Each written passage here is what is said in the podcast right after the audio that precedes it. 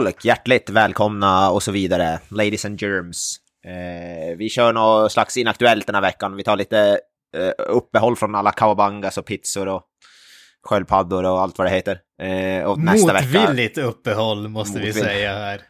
Du sörjer. Jag, jag, jag säger herregud, jag, jag, vet inte om man kan ut, överleva utan Turtles alltså. Ja, vi är ju på väg in i tredje ska vi köra nästa gång. Det är ju de här Samurai Turtles eller vad fan det är. Exakt. Eh, tredje. Eh, så det blir väl kanske nästa vecka förhoppningsvis, om allt går. Eh, så nu måste vi prata inaktuella nyheter. Högst inaktuella. Alla nyheter vi ska prata om nu är väl typ några veckor gamla, eh, känns det som. Ja, men lite så är det. Men, men alltså man vill ju låta det liksom växa till sig och gro upp lite grann. Man vill ju se att, men är det verkligen nyhetsvärde? Och i ärlighetens namn är det ju så att minsta lilla skvaller är ju nyhetsvärde. Så är det ju. Speciellt i en podd som våran. Och sen när vi tar upp dem, då är det ingen som bryr sig om det längre. Då är det dött redan. Så det passar ju oss perfekt. Exakt. Vi gillar inte att vara, vi gillar inte att vara aktuella. Vi är ekot i en tom värld. men innan vi ja, ja, men hur är det i Skellhäll? Vad händer? Och så vidare. Du, eh, innan du pratar om vem jag är, vem fan är du? Jag? Ja, men det är folk. Behöver jag nämna vem jag är? Mannen, myten, Legenden. Eh, legenden inom citationstecken. Eh, eh, Mr. Avoya. The, the one, the only. Eh, jag tror det, jag, jag tror det jag, no, needs no further in, introduction. Tänkte jag att jag är. Eh, ja, det är jag det. Vi förutsätter att vi inte får några nya lyssnare vid det här laget, alla känner till ja. oss. Ja, ja. Men jag tänkte att de som inte, de, de känner ju till mig via mina andra ventures eh, som ska vara onämnda i den här podden. Men eh, ni, ni där ute, ni vet vilka ni är mina kunder så att säga. Jesus wink, Christ. Wink, wink. Uh, det, det lät uh, oroväckande. Du borde ju veta Jönsson, du är ju min highest paying customer. jag bara kastar pengar på det, därför jag oh, ja. lever i uh, existensminimum just nu. Jag spenderar alla pengar på dig. Ja, exakt. Nej men vad händer? Skellhäll, vad, vad pågår, försiggår och så vidare? Ja, det händer väl inte så det jäkla mycket, eller egentligen så händer det väl typ jättemycket i den här stan. Det byggs och håller på och sånt där saker. Men eh, när det kommer till mig personligen händer det väl inte sådär eh, överdrivet mycket i alla fall. För ovanlighets skull, jag brukar ju vara väldigt eh, jämn, eh, jämnt temperament så att säga. Jag går inte upp i varv mm. för mycket. Men jag måste erkänna att jag blev faktiskt lite småirriterad häromdagen.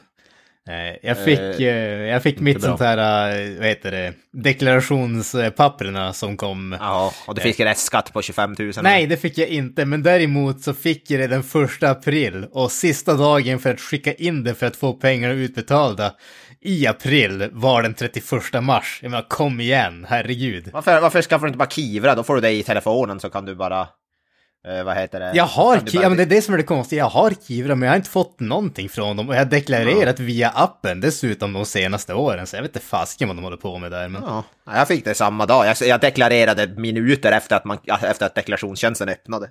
Alltså via Skatteverkets app.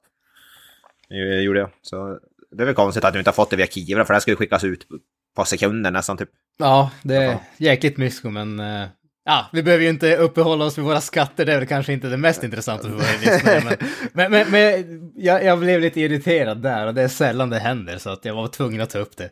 Det, det bröt min rytm av eh, ständig melankoli så att säga. Men är rent mediamässigt, har du konsumerat något roligt eller sett, spelat något eller sett någonting som du vill rekommendera? Alltså det har varit väldigt, eh, väldigt lågmält där. Det som jag varit inne på nu på senaste tiden är ju eh, Horizon Forbidden West eh, till Playstation 4. Ja, jag har inte, det har jag också, men det är så jävla många spel som har kommit ut. Men jag har spelat, för jag har spelat 7-8 timmar av det tror jag. Mm. Mm. Det, är, det, är, riktigt bra. Ja, definitivt. Ja, det, det, är riktigt bra. Jag måste erkänna att jag är väl kanske inte världens största fan av det nu när jag har spelat väldigt länge av det. Alltså, jag, för mig är det väl att det, det är typ mer Horizon. Det är inte jättenytt. Känns inte som ett nytt spel för mig. Det är väl det största minuset mm. jag har med, har med det. Det, säga.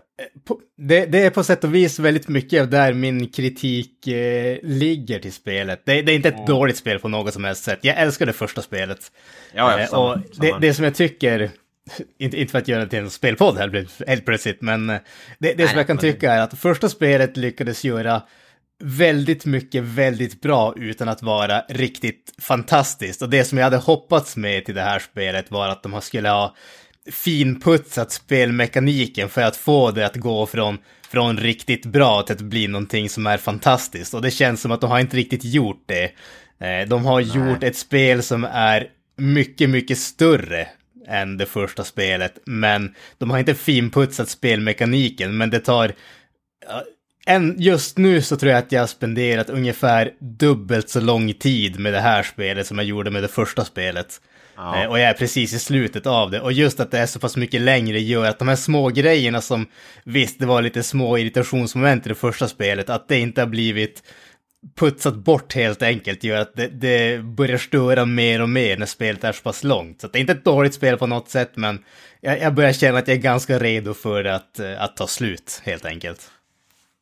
Ja, alltså jag tycker det känns som mer av samma. Det känns, all, det känns, som, det känns nästan mer som Horizon 1.5 än en hel uppföljare skulle jag säga. Det känns inte så nog. Men jag, fortfarande, det är mer Horizon så det är ju bra på sitt sätt skulle jag säga. Ja, ja du, du kör ju det på PS5 antar jag dessutom. Ja, ja, ja. Ja, jajamän. Jävligt snyggt är det på ja. PS5. Ja, jag, jag, kör, jag kör den på min eh, base eh, PS4 som eh, ibland börjar jag fundera på om den är på väg att eh, flyga iväg för den låter ja. som ett jävla jetplan ibland ja. alltså. Herregud. Jag kan tänka mig det. Nej, inte för mycket. Jag, jag har ju själv spenderat Elden Ring, det här nya From Software-spel har jag spelat en del, del och även eh, Dying Light 2 och Ghostwire Tokyo. Så jag har typ fyra spel som jag skiftar mellan just nu. Jesus. Och jag har typ inte så, eh, men det är väl lite så här eh, som kanske folk gått runt under radarn. Ghostwire Tokyo, det är ett spel som jag kan rekommendera till folk. Riktigt bra första persons skräck, RPG, whatever. Det är ett jävligt märkligt spel. Eh, som inte går att förklara i ord, men det, det, det, kan jag rekommendera. För The Dying Light 2 och Elden Ring, det vet alla vad det är. Det behöver man inte...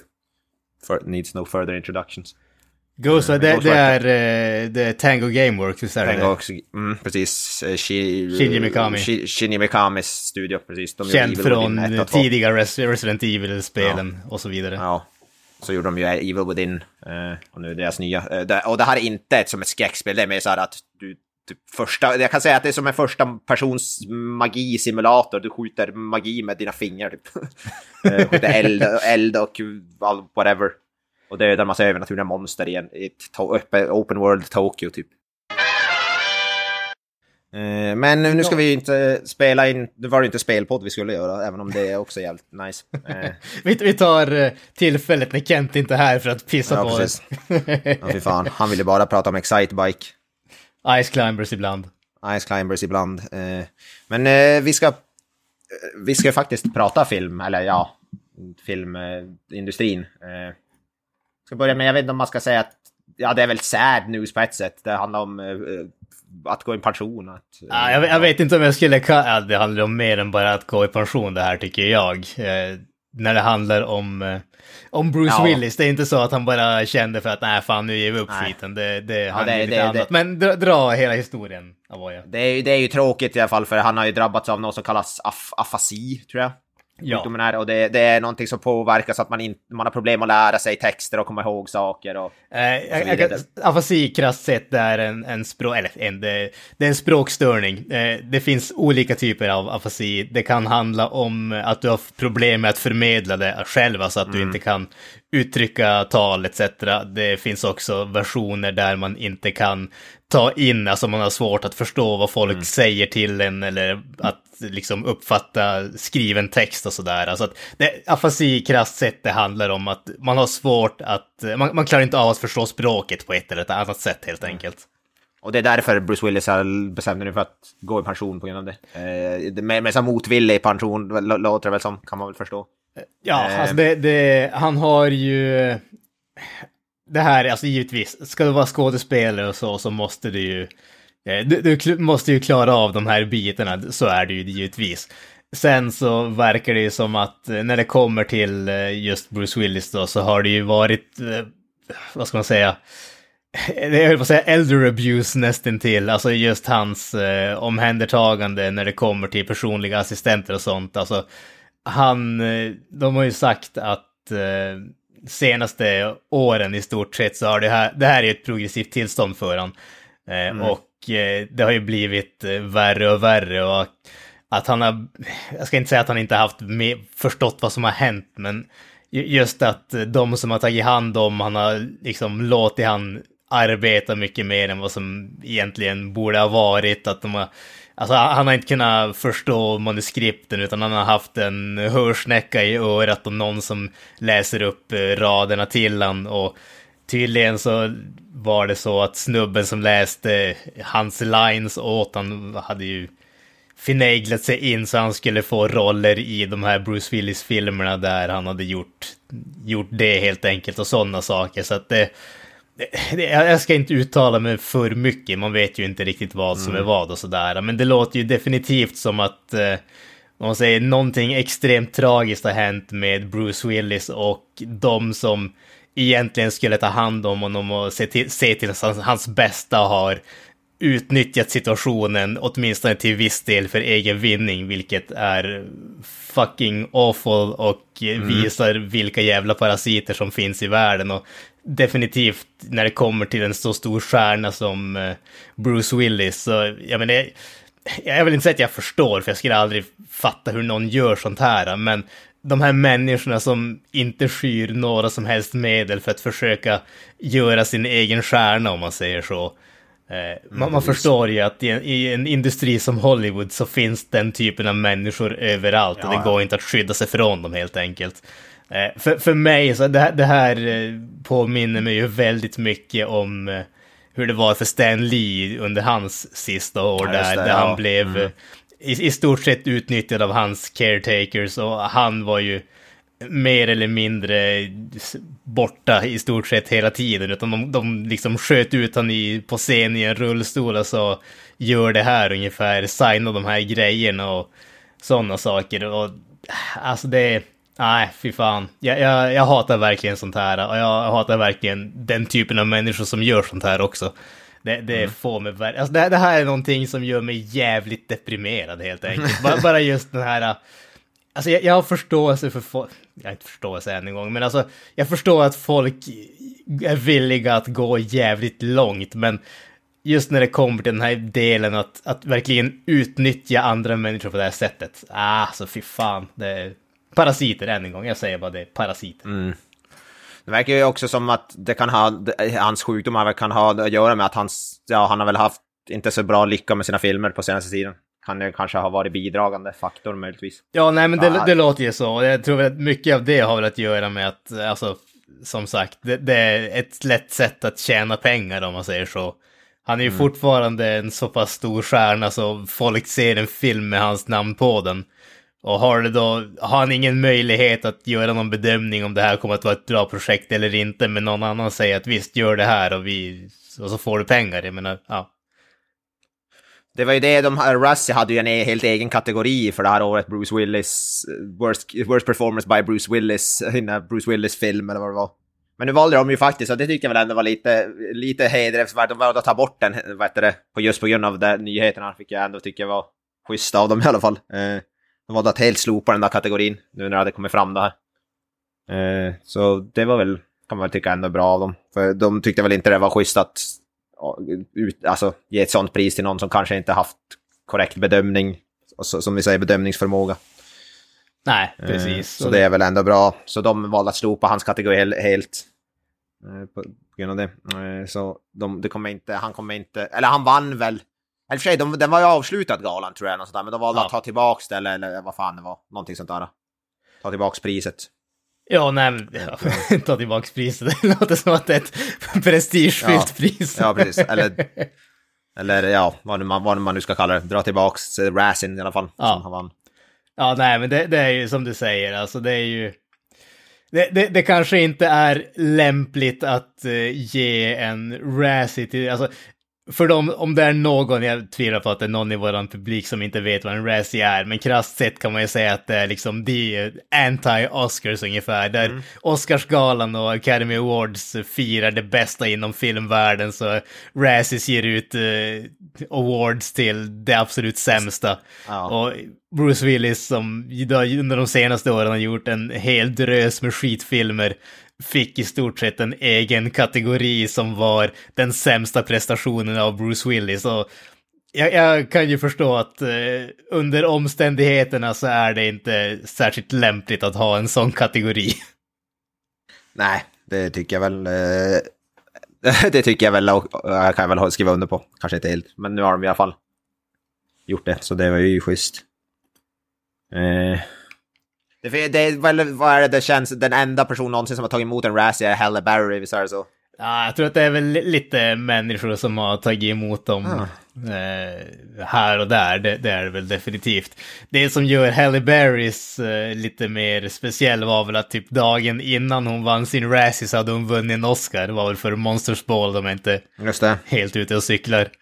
Så att det, det var väl det som var grejen. Jag har för mig att eh, hon, tog inte hon med sig sin Oscar till Razzie Awards när hon hämtade upp det priset också. Ja, ja, precis.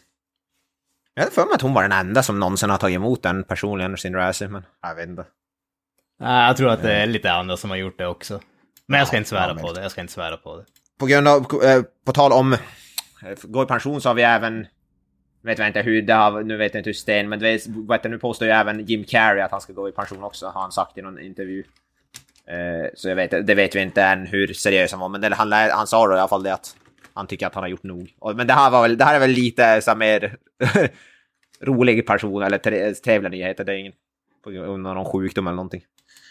Eh, så det är ju mer en valfri pension verkar det som.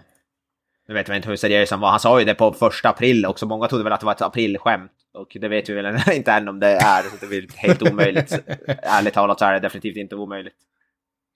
För det kom ju, den nyheten kom ut på första april. Eh, så det är definitivt inte omöjligt att, han, att det är någon, någon typ av sånt.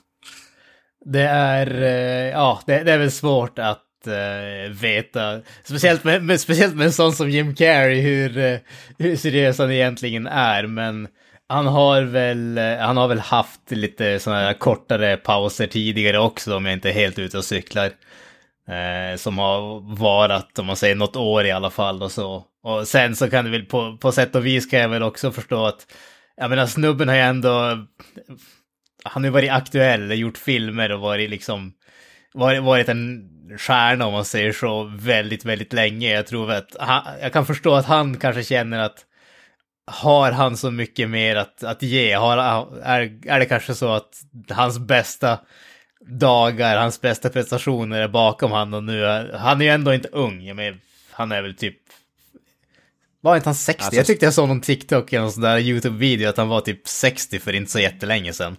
Ja. Att- Han har väl hållit på, jag tror han har hållit på och varit aktiv i säkert 40 år eller något sådär. Ja. Så, så 80 80-talet tror jag i alla fall, nå- någonting sånt där. Ja men precis, jag. jag menar jag kan väl tänka mig att en snubbe som han kanske bara säger att ja men nu har jag gjort det här, nu vill jag liksom, nu vill jag njuta av livet bara resten av eh, de åren som jag har kvar ungefär och det kan jag väl ändå förstå.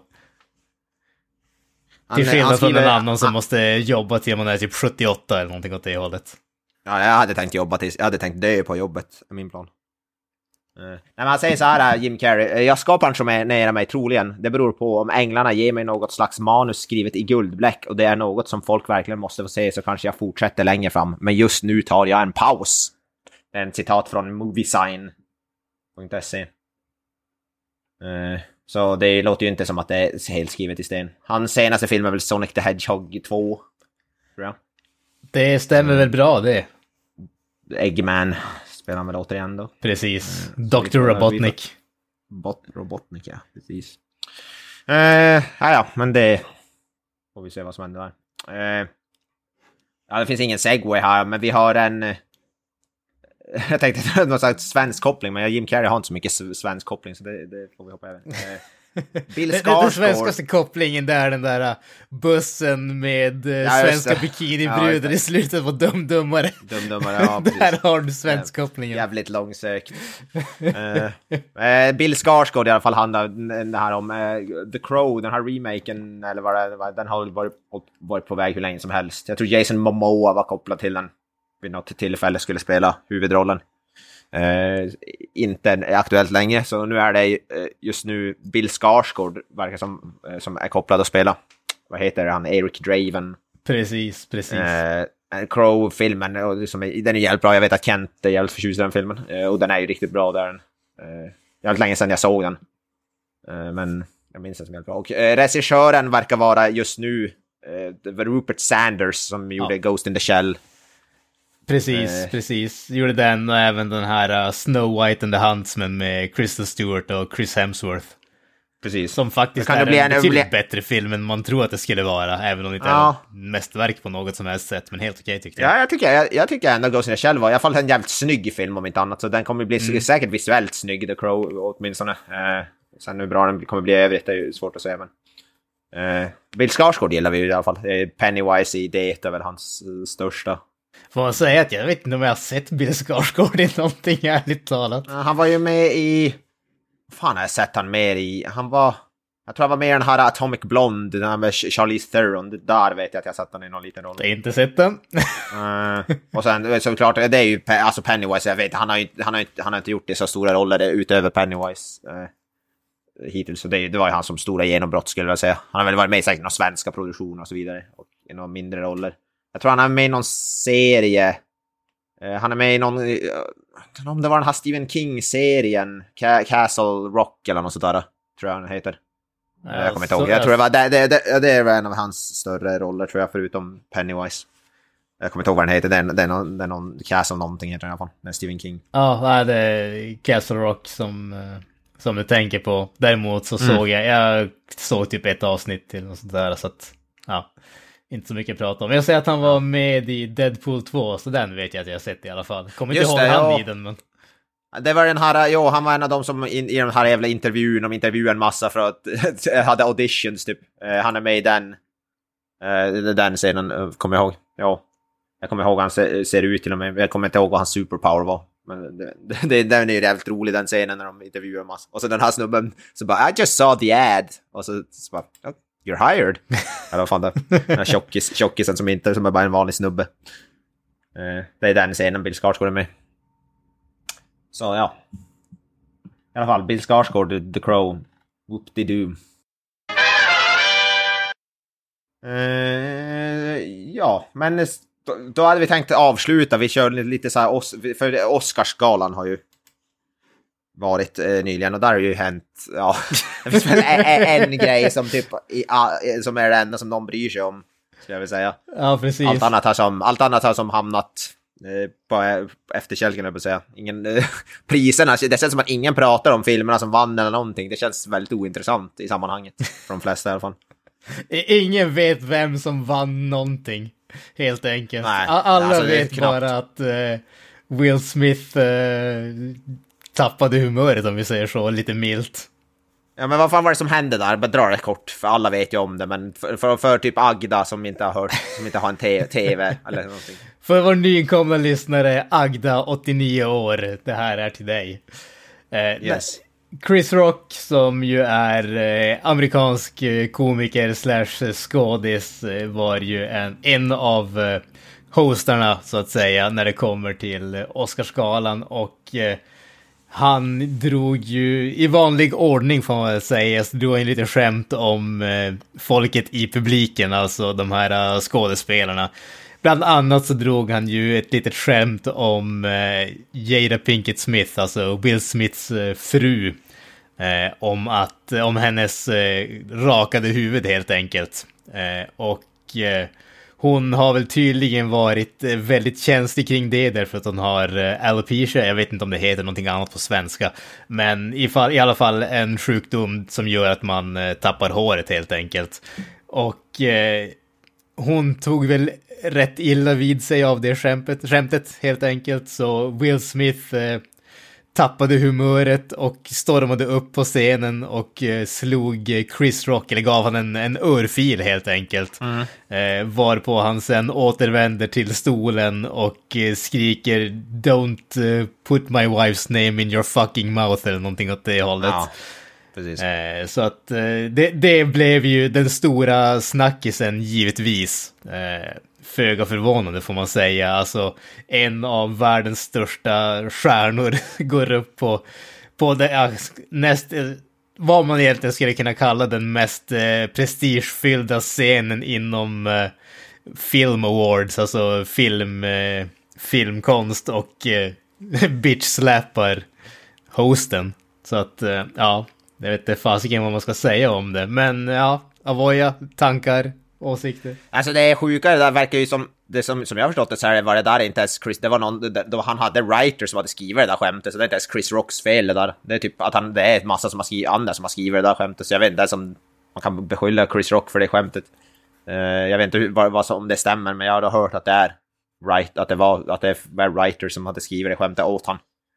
Uh, så det är ju det första jag har att säga, att det är jävligt Då fick, fick i sig han ta smällen på bokstavligt talat för något som någon annan har skrivit. Och sen tycker jag, så har vi sa det här innan, Will Smith satt och skrattade åt det här skämtet typ sekunder innan. Och sen såg han väl att hans fru inte var så glad och då ändrade han sig jävligt snabbt. det, det, man fick väl se han sitta och skratta ja. åt det, bokstavligt talat. Eh, sen gick han och smällde till han. Nu har alla hans film, massa av hans filmer, det är någon paus, så vad fan är det? Alltså... Ja, de, de har ju lagts på is i stort sett, ja. väldigt många. Eh väldigt många av hans uppkommande projekt, ja, så man får ju precis. se vad som händer. Eh, alltså jag, jag eh, det, det, här är ju, jag vet inte vad man ska kalla det, bisarrt med tanke på att jag är kampsportare och slår folk i ansiktet ett flertal gånger per, eh, per vecka. Eh, jag, jag, är ju väldigt emot eh, våld eh, och det här är ju, än en gång, Ja, i ärlighetens namn, jag menar, är det någon som verkligen bryr sig om vad vi tycker om det här? Alltså, det, det är högst osannolikt, men nu får, ni, nu får ni våra ignoranta takes här, alltså att ja. eh, ni utsätter er själva för det. Eh, jag är ju väldigt emot våld, det här är ju fullkomligt oacceptabelt. Eh, det, alltså, Will Smith och eh, Jada Pinkett Smith verkar ju ha ett jävligt weird förhållande. Jag ska inte uttala mig någonting om det det hur det funkar, vad de har gjort det. Men det känns som, på något sätt kan jag känna så att är du en sån som ständigt ska vara i rampljuset som delar alltså privata stunder med hela världen så kan man inte bli förvånad när folk skämtar om det, när folk pratar om det, etc. Eh, sen så måste jag säga att det här var ju ett väldigt milt skämt. Alltså det var, visst, jag kan förstå att hon inte tyckte om det, men det, det känns inte som att det var ett speciellt elakt skämt, så att eh, oavsett eh, om man tycker att det är okej okay att slå en komiker eller inte så känns det som att reaktionen var ju fullkomligt oproportionerligt sett till skämtet som, eh, som drogs. Sen så bara rent allmänt så tycker jag att, eh, alltså det, det här med varför måste Will Smith skydda sin fru på det här sättet tycker jag känns jävligt mysko. Alltså, Jada Pinkett Smith verkar ju, från det lilla som jag har sett, hon vara väldigt, eh, om man säger uttalad. Hon verkar inte vara en mm. sån som gömmer sig bakom eh, maken direkt. Hon verkar ha sina egna åsikter och stå för dem och sådär. Mm. Alltså varför Will Smith måste skydd, skydda henne på det här sättet, det, det förstår jag Eh, förstår jag verkligen inte. Eh, en sak som jag en sak som jag noterade tidigare faktiskt är att Will Smith, Will Smith har ju blivit fullkomligt thrashad av i stort sett alla när man mm. kollar på internet och Twitter och Facebook etc. Men det finns två grupper som tycker att det här var bra. den ena gruppen, det är de här alfamännen, du vet de där som alltid ska vara de manligaste av de manliga ja, och visa, alltså liksom, är det någon som ens kollar på min kvinna, då fan smäller det och liksom den typen, ja, de tycker att det här är helt rätt. Kvinnor ska skyddas. Det spelar ingen roll mot vad eller vem som har sagt någonting. Säger någon ett ord om henne, då fan ska de få en smäll. De tycker att det är bra. Och den andra gruppen som tycker att det är bra, det är de här uh, ultraveka, ord är våld och är det någon som säger någonting som sårar mina känslor, då är det helt acceptabelt att svara fysiskt med det. Och det är liksom ja, de två Självklart. grupperna som brukar vara diametralt motsatta så långt ifrån varandra som man kan komma, verkar vara de enda två grupperna som faktiskt tyckte att Will Smith, Will Smith gjorde någonting bra. Ja, det är klart. Uh, jävligt ja. bisarrt, jävligt bisarrt och tragiskt, men ja, hänt har hänt och det är föga förvånande första gången som eh, våld har utövats på eh, scenen på Academy Awards sedan det började 1929 eller vad det nu var. Så att eh, ja, det, det börjar ju bra här. Men som, som, som kampsportare vill jag veta hur det har formen på hans bitch slap. alltså, hade han bra form? Problemet här, det är ju att Will Smith är ju så jäkla mycket större än Chris Rock. Så att eh, det är svårt att avgöra riktigt om hur det hade sett ut. Det var mer intressant att se hur han hade sett ut om han slog någon som var i samma storlek som han själv. Det är ju det. Ja, just det. Det är, det är lite grann som om jag skulle slå en bebis. Det, det, visst, det, det, jag skulle vinna, men det kanske inte ser så imponerande ut.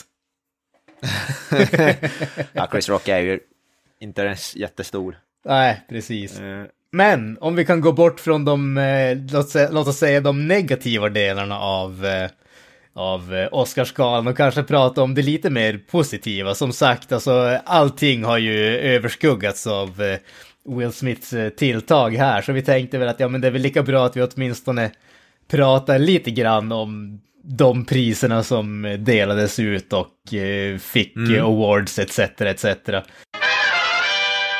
Eh, och det är väl lika bra att vi börjar om man säger högst upp, eh, nämligen bästa film. bästa film. Och det gick ju till eh, Coda. som... Film som jag knappt vet någonting om förutom att jag har hört namnet i princip. Ingen koll på den filmen överhuvudtaget kan jag villigt erkänna. Nej, samma här. Jag måste erkänna att det här är ett av de... Alltså, Oscarsgalan har ju blivit så irrelevant nu så att det känns som att man har som noll koll på vad som, vad som händer och vilka filmer som är nominerade och så vidare. Men än en gång, jag, jag, har inte sett den här heller. Eh, Coda är ju, om man säger ett, ett ord, ett uttryck för eh, Child of Deaf Adults, alltså ett, eh, ett hörande barn som eh, har döva föräldrar helt enkelt. Och det är det som den här filmen handlar om. Eh, och eh, den blev ju, den, den eh, var ju den första filmen som distribu distribuerades, distributerades, kanske heter, distributerades på en sån här streaming service som har vunnit bästa film.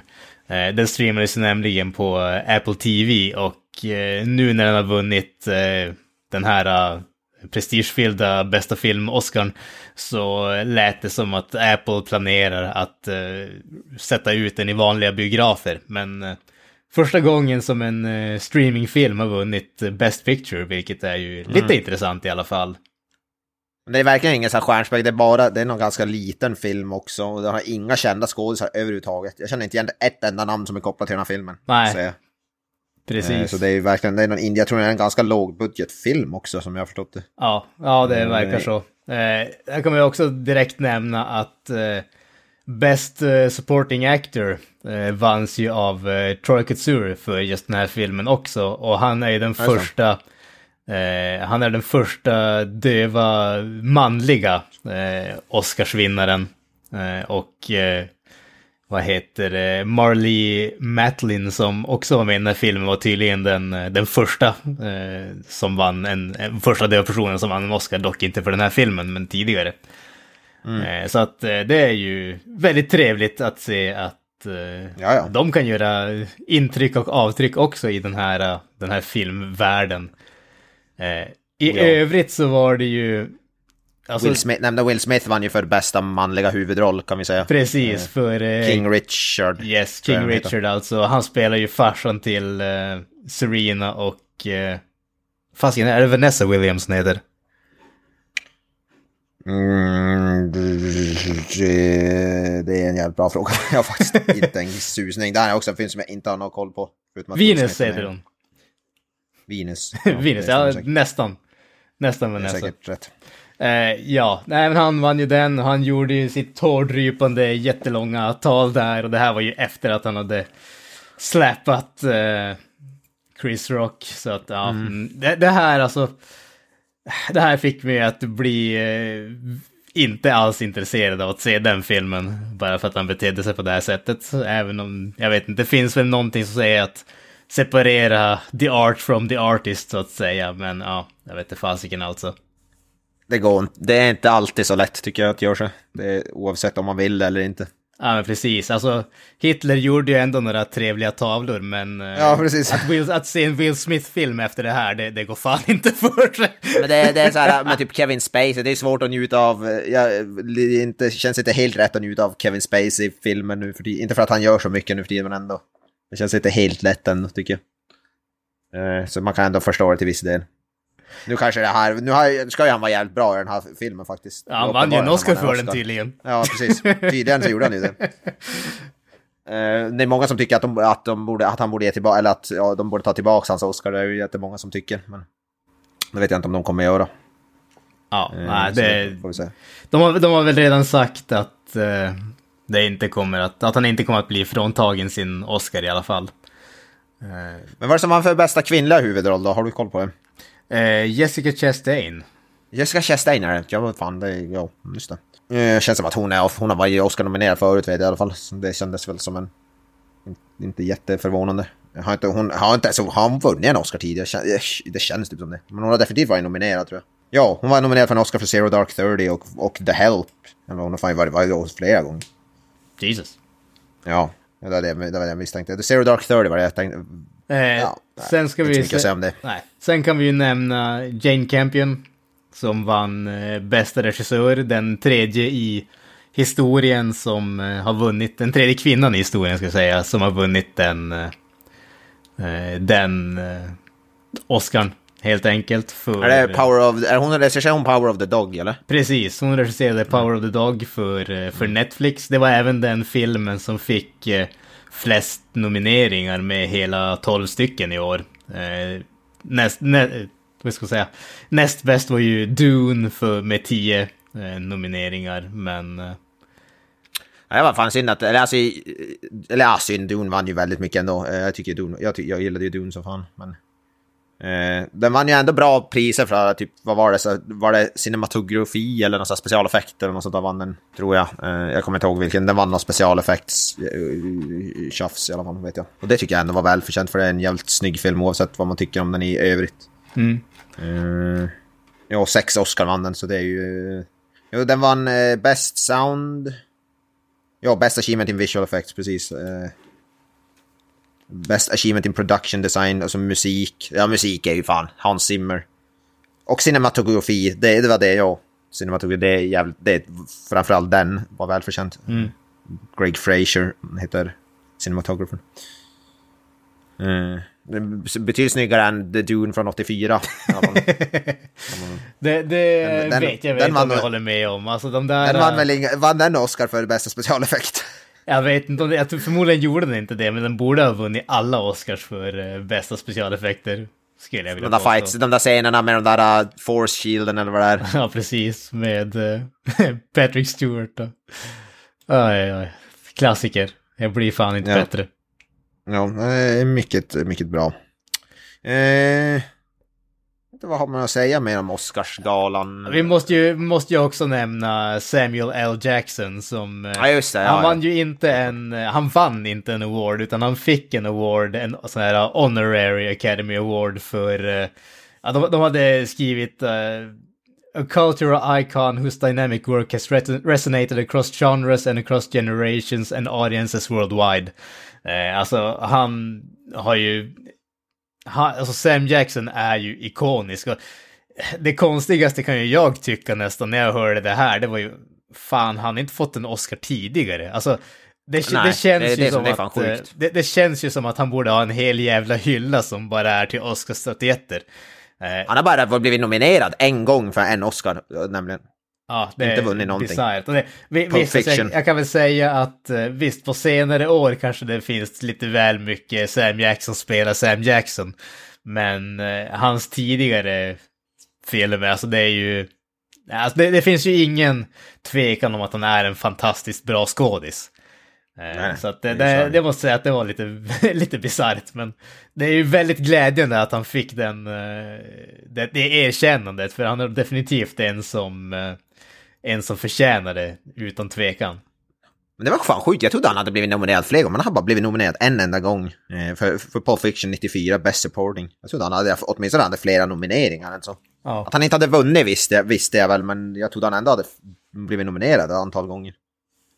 Men han, fan inte, han, han har inte blivit nominerad för så många grejer. Han har blivit nominerad för någon Bafta, ser jag. Eh, och även nominerad för en Primetime Emmy för eh, Afro Samurai Resurrection. En animerad eh, film. Så han har faktiskt, han har definitivt inte varit upp för så många stora awards, vilket är ganska sjukt när man tänker på det. Jag typ, tänker alla så att det alla som han har gjort, typ eh, Django Unchained och The Hateful Eight och alla de där borde han ju fått någon nominering tycker man. Han är ju så jävla bra i alla de där. Ja. Det är fan sjukt. Men visst är det honorary, visst är Jackie Chan bland annat vunnit den? Eller? Jag har nog någonstans i bakhuvudet att han, han har fått en honorary Academy Award också. Måste Jag är inte- erkänna att jag är inte helt säker, men vi googlar skiten. Ja, jag är på IMDb. Jack, Jack Chan. Det, kän, det känns som att jag har det någonstans i bakhuvudet att han har vunnit, men jag kan vara helt ute. Uh, Honor Award, Academy Awards USA 2017 står det på IMDb. Ja, skitsamma, men han har vunnit i alla fall. Så det är, ju- det är ju badass. Men jag tänkte, ja jag vet inte, hade vi något mer att säga om Oscar-skalan? Hade vi något mer där? Nej, jag vet inte om vi hade så mycket mer annat än att eh, bara än en gång konstatera att eh, jäkligt eh, tråkigt än en gång att eh, Will Smiths tilltag eh, överskuggade allting annat som hände. Du vet, alltså, ä- även om Oscarsgalan är eh, ja, mer eller mindre irrelevant i dagsläget för oss eh, nobodies så känns det som att det är ändå där för att eh, fira någonting och att allting ska, det enda som folk pratar om, alltså även om vi inte har sett alla filmer och sånt där, alltså jag menar, det är ju ändå bra filmer, det är bra filmer som, Ja, ja. Eh, eh, som tävlar och så vidare och sen så ska allting bara hamna i skymundan av den här grejen, det är ändå jävligt synd så att, eh, nej. Men till exempel där du sa med Code att det är typ hörselskada som vunnit, det är ju jävligt stort det. Och det är, jag visste inte ens om det innan du sa det nu, så liksom det förklarar ju hur... ja men precis, alltså det, det är ju... För mycket. det, det visar ju ändå att det finns, alltså det finns en oerhörd bredd i filmvärlden som man Mm. kanske inte ser allt som oftast. Och sen när någonting sånt här händer, när, när alltså en sån här film som man egentligen tror att ingen skulle se, men får den här typen av exposure. Alltså, hade det här varit ett år där ingenting sånt här hade hänt, alltså ingen hade bitchsläpat någon på scenen, så hade det här varit det, stora snacket alltså. Den här lilla filmen som ingen hörde talas om vann, bästa vann Oscar för bästa filmen. Det hade ju varit den stora snackisen i filmvärlden. Nu är det ingen som pratar om det, alla pratar bara om Will Smith och Chris Rock, och det är jävligt synd. Det är på något sätt nästan lite själviskt av Will Smith att göra så här, för han vet ju att han skulle få, äh, som man säger, all press, äh, äh, även dålig press är bra press på något sätt. Och det skulle inte förvåna mig om nu folk börjar köpa Will Smith-filmer av någon jävla anledning, eller börjar köpa Fresh Prince eller någonting sådär. Så på något sätt är det här säkert bra för han på något jävla vänster. Han får i alla fall uppmärksamhet. Så på något sätt är det nästan själviskt av han, skulle jag säga.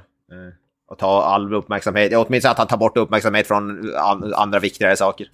Ja, Eh, Så det, det är nästan lite svinaktigt på det sättet. För då riktas allting mot Det känns som att han är en sån där som gillar att stå i rampljus oavsett vad det gäller nästan på något sätt. Det bara det typ Suicide Squad är ett tydligt bevis för det. Hans krav var väl att han skulle syna, hans face skulle synas så mycket som möjligt typ.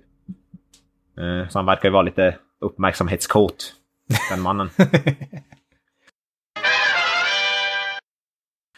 Men jag tänker, innan vi avslutar, jag hade en nyhet kvar som är lite så här, eller nyhet, men som var lite roligare. Det, vad heter det handlar om Nicky Cage eh, och eh, vampyrtänder. uh, det, det här låter jävligt lovande. Eh, vi har ju pratat om Vampires Kiss som är kanske är den bästa vampyrfilmen som någonsin har gjorts. Kanske. Alltså det, det är tveksamt, högst tveksamt. Jag skulle nog säga god andra plats. Den bästa vampyrfilmen är givetvis Blade 2. Blade 2, jaha, ja. Ja, men det möjligtvis. Eh, fast jag tycker nog, jag tycker nog att Nicky Cage är mer badass än Wesley Snipes. Han skulle ge han en run for his money i en fight, tror jag. Men eh, nu har det läkt bilder i alla fall eh, på- Nicky Cage från en pågående inspelning när han ska spela, han ska spela Dracula, helt enkelt. Eh, Men det är inte någon sån här Dracula-film, det är inte en Dracula-adaptation. Det, är inte Bram Stokers Dracula som adapteras. Så det är en, tydligen en komedi, en skräckkomedi.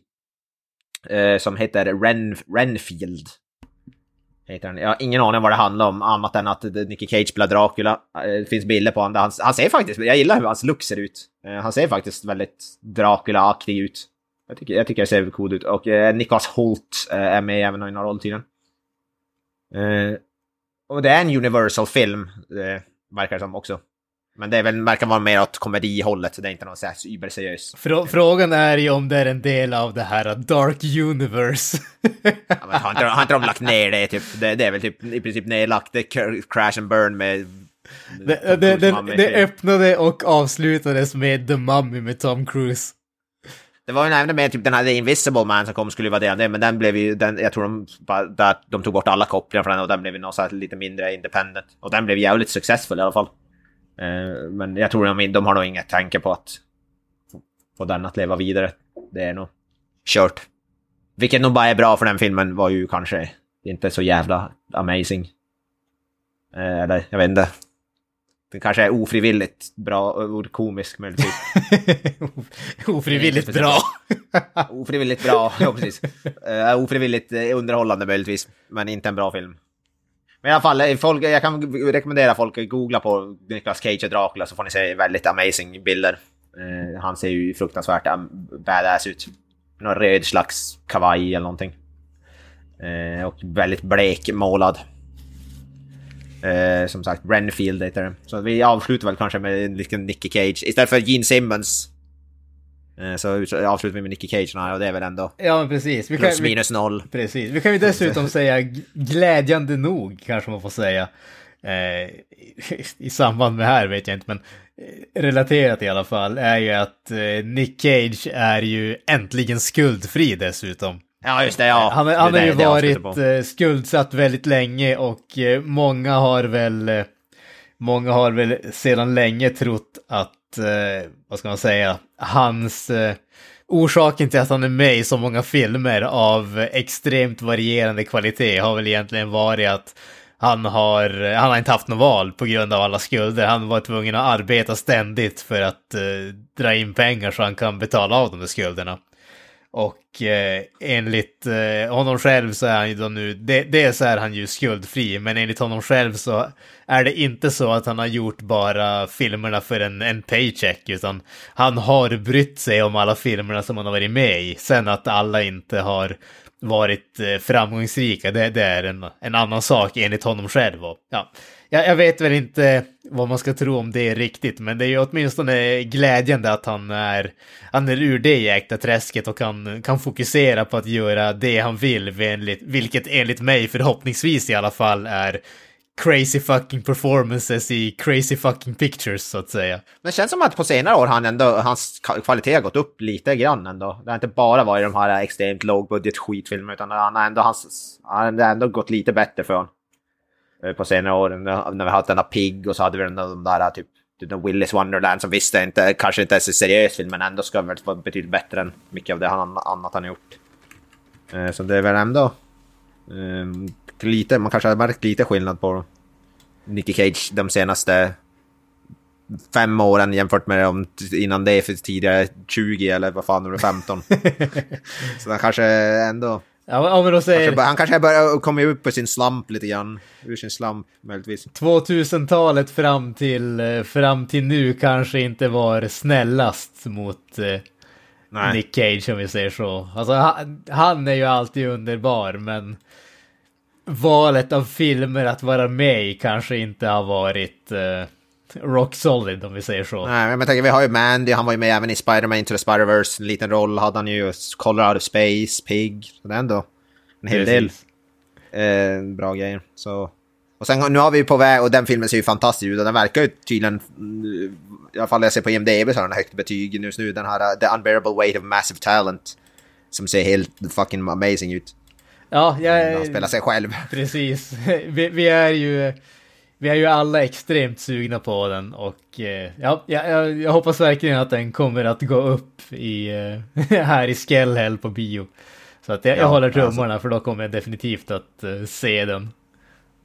De som inte vet, Pedro Pascal spelar ett jävligt obsessed Nicolas Cage-fan typ. Och så ska vi göra någonting om att Nicolas Cage måste på något sätt vet inte, rädda världen som sig själv eller något, jag vet inte. Men det är något sånt där crazy jävla shit. Uh, så det, det låter ju faktiskt ganska amazing. Eh, men ja, men då avslutar vi på en, en sån high note kanske. Det tycker jag, det låter alldeles utmärkt. Bra, eh, då säger vi så. Eh, ni har lyssnat på Filmsmakarna. Det finns på sociala medier. Facebook, Twitter, Instagram. Pladdercentralen.com eh, finns vi även på och eh, filmsmakarna.wordpress.com heter väl våran jävligt aktuella hemsida. Som jag inte ens har varit inne på. på jag vet inte, men Kent lägger väl upp saker där tror jag. Sist jag kollade. Eh, vi hoppas väl det. Eh, så ja, bara kolla in oss där så att säga. Eh, jag heter Joakim Avoya, jag säger eh, peace out. Och jag säger Hail Satan. Peace to the cage. That's it, man. Game over, man. It's game over.